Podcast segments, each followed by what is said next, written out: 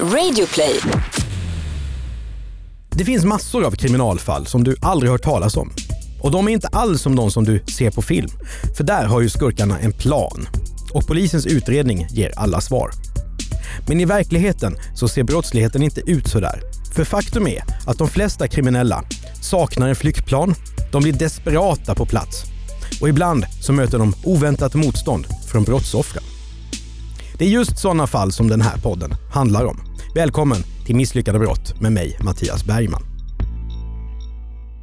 I det här avsnittet ska jag berätta historien om fasadklättraren som lyckades ta sig in i ett rum på luxuösa Grand Hotel i Stockholm, men åkte på stryk av en arg amerikanska och greps av polisen.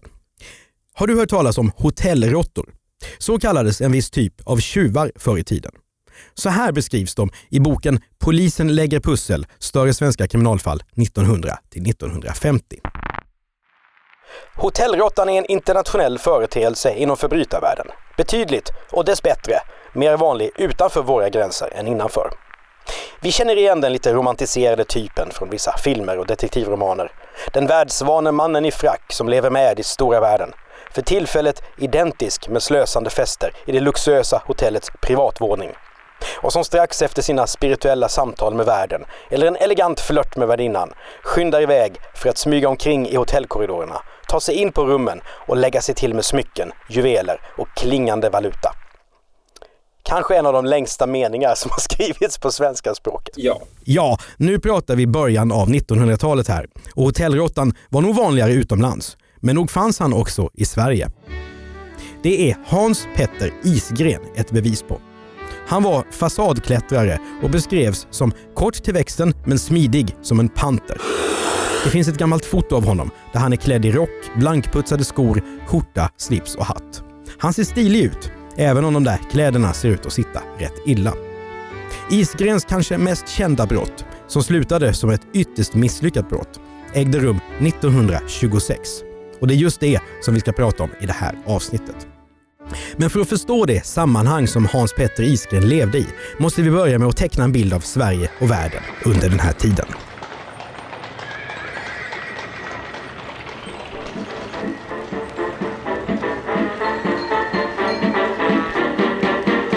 Du har säkert hört uttrycket “det glada 20-talet”. För det här var en tid av optimism. Världskriget är slut och nu ska det vara fred för evigt. Epokgörande uppfinningar kommer. Bilar, flyg, elektricitet. Till middag äter vi gratäng som lagas i nymodigheten eldfast form. Filmen slår igenom brett och blir en svensk exportvara. Greta Garbo hon går från jobb i varuhus i Stockholm till Hollywood tillsammans med stenhårda regissörer som Maurits Stiller och Victor Sjöström. Tyvärr lät filmerna på den här tiden så här. Men radion kommer istället.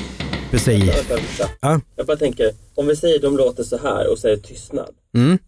Fattar folk att det är stumfilm då eller tror de att Nej, vi får säga det. Vi backar lite. Just det, det var stumfilm på den här. Ja, ja vi får göra ja, ja. Det är bara för att jag minns den tiden så nära. Så. Ja. Just det, stumfilm. Men radion kommer. Med ouvertyren till Väderlappen slutade radioorkestern sin konsert. Dirigent var Nils Grevelius. Bättre va? Snabb... Innefolket dansar charleston och kvinnorna får äntligen rösträtt. De byter korsett mot gördel, klipper sig i frigjort korta frisyrer och lockar håret. Männen blir eleganta jazzgossar och klär sig i frack eller knickerbockers. Pösiga kortbyxor i tweed som slutar vid knäna och dras åt med spänne. Ja, du vet sådana som Tintin brukar ha. Så kommer Karl Gerhard, ja. Så i den här tidsandan verkar skåningen Hans Petter Isgren. En tjuv specialiserad på hotellstölder, både i Sverige och utomlands. Han föddes i Lund 1884. Efter skolan stannade Isgren hemma några år innan han började jobba som gruvarbetare. Som person beskrevs han som kortvuxen, senig och rastlös. Men i gruvan trivdes han inte. Istället så valde Isgren att mönstra på. Livet till sjöss verkade mer spännande. Men 1902, 18 år gammal, åkte han fast första gången och fick sex månaders fängelse. Därefter gick han till sjöss igen. Dumt, för Isgren trivdes inte som sjöman. Han var som en Evert Taube på glid. Långt efteråt ska polisen spekulera i varför Isgren har dragits just till stölder. Jag vill glömma den förfärliga tid som har gått sen den dag då polisen mig tog Drömde han möjligen om att komma upp sig ur smutsiga skansar och slitande arbete ombord och bli en rik man genom sinnrika brott? Nu var Hans Petter Isgrens brott inte särskilt sinnrika. Gång på gång åkte skåningen fast. Och när han gjorde det satt erkännandet alltid långt inne. Isgren brukade skylla på att han var ett offer för slumpen. Han bara råkade hamna på olika hotell och hittade smycken eller plånböcker som hamnade i hans fickor. Det där imponerade väldigt sällan på domstolarna, varken i Sverige eller USA. För Isgren dömdes för brott också i Kalifornien. 1915 förde hans liv som sjöman honom dit. Efter att ha festat upp lönen var Isgren pank och gjorde därför inbrott just på några hotell. Men den amerikanska polisen fick tag på honom. I snålblåst, svetslågor, på hög höjd eller med tung last tar du risker varje dag. Genom att erbjuda bästa tänkbara skyddsutrustning och rätt verktyg för jobbet kan vi göra ditt jobb säkrare. Och säkerheten har aldrig varit viktigare. Så välj Swedol. För säkerhets skull! För säkerhets skull. Hej! Är du en av dem som tycker om att dela saker med andra? Då kommer dina öron att gilla det här. Hos Telenor kan man dela mobilabonnemang. Ju fler ni är, desto billigare blir det. Skaffa Telenor familj med upp till sju extra användare. Välkommen till någon av Telenors butiker eller telenor.se. Domen mot Hans Petter Isgren i Kalifornien blev hård. 13 års fängelse. Det är ett hårdare straff än vad vissa mördare får i Sverige idag. Men Isgren hade tur och släpptes efter fyra år. Vid det laget hade våran skåning nu tröttnat på USA så han mönstrade på en båt och åkte tillbaka hem till Sverige. Hans Petter Isgren fattade nu ett viktigt beslut. Livet som hotellråtta och drömmen om enkla, snabba pengar var lockande i teorin, men i praktiken ställde det bara till problem. Nu skulle han sluta lägga krokben för sig själv. Isgren skulle bli en laglydig medborgare. Skaffa ett vanligt hederligt arbete. Och kanske fru och barn också. Kriminaliteten var det slut med. Men Isgren kan naturligtvis inte hålla sig. 1920 döms han igen, tre och ett halvt års straffarbete efter att ha brutit sig in i hotellrum och kontorslokaler i Skåne. Han går tillbaka till tillvaron som sjöman, hamnar i Amsterdam där han försörjer sig på att måla båtar. Därefter mönstrar han på en båt till USA, men tröttnar. Han rymmer och ger sig ut på äventyr. Isgren hamnar i Arizona, Los Angeles, men också i Mexiko. Det här är utlandserfarenheter som mycket få svenskar har på 20-talet. Och se sig om i världen är ett privilegium som annars bara de allra rikaste har möjlighet att ägna sig åt. Isgren är vad man kallar världsvan. Men ett skäl till Hans Petter Isgrens längtan ut i världen är att han faktiskt är efterlyst. Efter att han har rymt från båten från Frankrike som tog honom till USA. Polisen hittar honom, han utvisas och skickas tillbaka till Frankrike. Och där vet inte Isgren vad han ska ta sig till. För han är pank, precis som vanligt. Den svenska konsuln hjälper till och ser till att han kan resa tillbaka hem till Sverige. Han slår sig ner i Stockholm. Isgren tar in på ett hotell i de sunkiga Klara-kvarteren under namnet Per Jönsson. Senare berättar han varför. Jo, jag var ju straffad förut och ville inte att någon skulle veta att jag var på tillfälligt besök i Stockholm.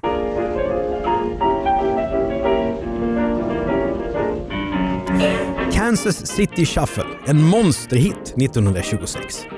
Och nu är vi framme vid det misslyckade brott som har gjort att Hans Petter Isgren har skrivit in sig i kriminalhistorien. Detta är förresten året när den första bilbomben sprängs i Sverige på Kungsholmen. Men det har inte Isgren med att göra. Stumfilmen Flickan i frack har biopremiär. Sovjetunionen och Tyskland de undertecknar ett neutralitets och vänskapsfördrag. Telefonsvararen uppfinns i Sverige av Lars Magnus Erikssons geniala företag. Och ärkebiskop Nathan Söderblom går till attack mot det korta kjolmodet. De går ju knappt över knäna. Ja, brottet då. Hans Petter Isgrens egen version av händelsen är följande. Allt börjar en höstdag med en runda på några ölcaféer. Isgren dricker sig rejält berusad. Han får en gigantisk minneslucka och först vid fyra tiden på morgonen så kvicknar han till. Då står Isgren och klamrar sig fast vid en byggnadsställning utanför Grand Hotel. Stockholms absolut lyxigaste hotell. Vad som har hänt under kvällen och natten, ja det minns inte Isgren riktigt. Mer än att han har ju druckit alldeles för mycket. Orsaken till att han kvicknar till och väcks ur fyllan är att han hör en röst från ett av hotellrummen. Det är en kvinna som skriker någonting på engelska.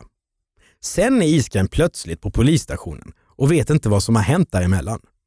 Inte heller har han någon förklaring till att han har gripits med både inbrottsverktyg och en revolver. Det är ju märkligt.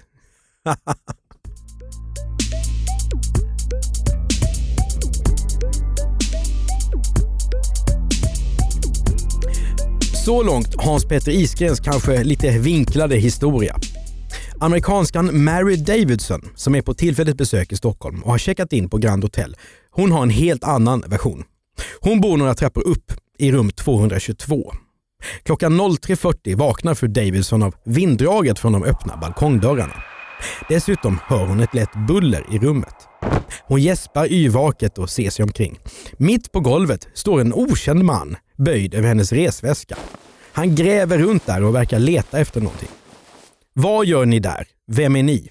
säger hon på engelska. Den okände mannen är Hans Petter Isgren. Efter sin fängelsevistelse i USA kan han naturligtvis prata engelska, men han låtsas att han inte förstår. Isgren är beväpnad med revolver, men i grunden är han ju ingen våldsam typ.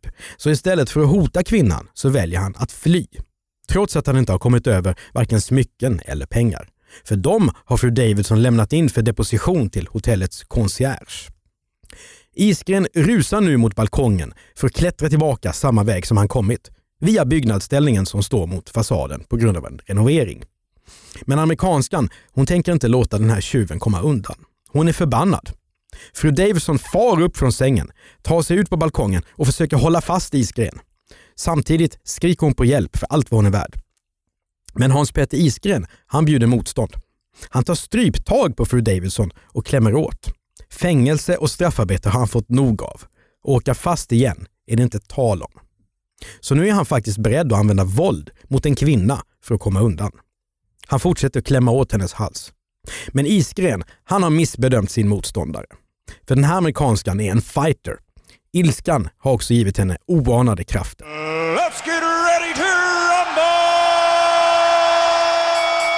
Hon ger Isgren flera knytnävsslag i bakhuvudet och till slut tvingas hotellråttan släppa taget.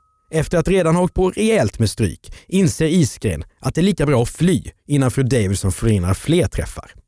Han hasar ner från byggnadsställningen och gör sig beredd att springa hem till hotellet i Klarakvarteren.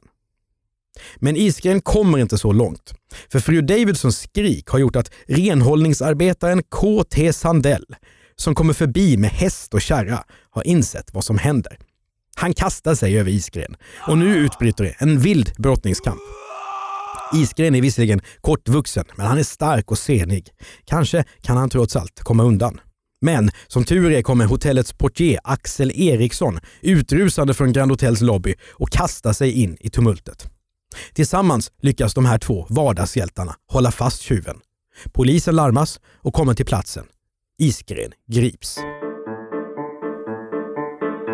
Nu häktas hotellråttan. Inte bara för inbrottet på Grand Hotel, utan även för liknande kupper i både Stockholm och Göteborg. I förhören är Isgren hal som en ål men han har ju också lång erfarenhet av att förhöras. Som vanligt nekar han och skyller på att han haft otur, råkat vara på fel ställe vid fel tillfälle. Därför så går han också fri från alla åtalspunkter utom besöket just hos amerikanskan. Isgren säger att han har varit så full att han inte minns vad som har hänt på Grand Hotel. Men ett tiotal vittnen säger annorlunda. De berättar att hotellråttan har varit spiknykter. Hur skulle han annars ha kunnat klättra in i rummet? Och varför luktade han inte sprit om han nu var så full? Under rättegången frågar domaren, rådman Lundholm, har ni för vana att klättra i byggnadsställningar? Nej, jag tror inte att jag brukar göra så, svarar Isgren undanglidande. Domen blir ett år och sex månader bakom lås och bom. Men det är inte slut med det här. För hur går det för Isgren efter muck? Jo, han fortsätter att bygga sitt brottsliga CV. 1929 är det dags igen. Och vid det här laget har Isgren siktat in sig på banker. På Varendorfsgatan, ja bara ett stenkast från Grand Hotel, så rånar han ett bankbud på en portfölj med 2500 kronor och några värdehandlingar. Isgren slår honom i huvudet, men bankbudet har på sig en så tjock pälsmössa som förmodligen räddar livet på honom. Och även det här blir ett misslyckat brott. Bankbudet ropar på hjälp och en kontorist och en chaufför som finns i närheten övermannar Isgren. Ett ingripande som liknar det utanför Grand Hotel. Så nu är han fast igen. Och den här gången blir straffet fyra år och sex månaders straffarbete. Dessvärre blir inte heller den här fängelsevisten någon vändpunkt. För medan svenskarna lyssnar på Sara Leander så fortsätter Hans Petter Isgren att begå misslyckade, meningslösa brott fram till sin död 1934. Han avlider i fängelse, bara 54 år gammal. Senare sammanfattar polisen hans karriär, full av misslyckade brott, så här. Man kunde emellertid knappast beteckna honom som någon genial brottsling. Inte ens en förbrytare med fantasi. I så fall var fantasin ytterst enkelriktad. Närmast stötte den på en fix idé. Du har hört Misslyckade brott med mig, Mattias Bergman. Jag gör podden tillsammans med Andreas Utterström. Exekutiv producent är Jonas Lindskov. Prenumerera gärna på oss och betygsätt oss i iTunes. Har du synpunkter på det som du just har hört eller vill tipsa om andra fall som vi borde berätta om? Mejla gärna på misslyckadebrott.bplus.se.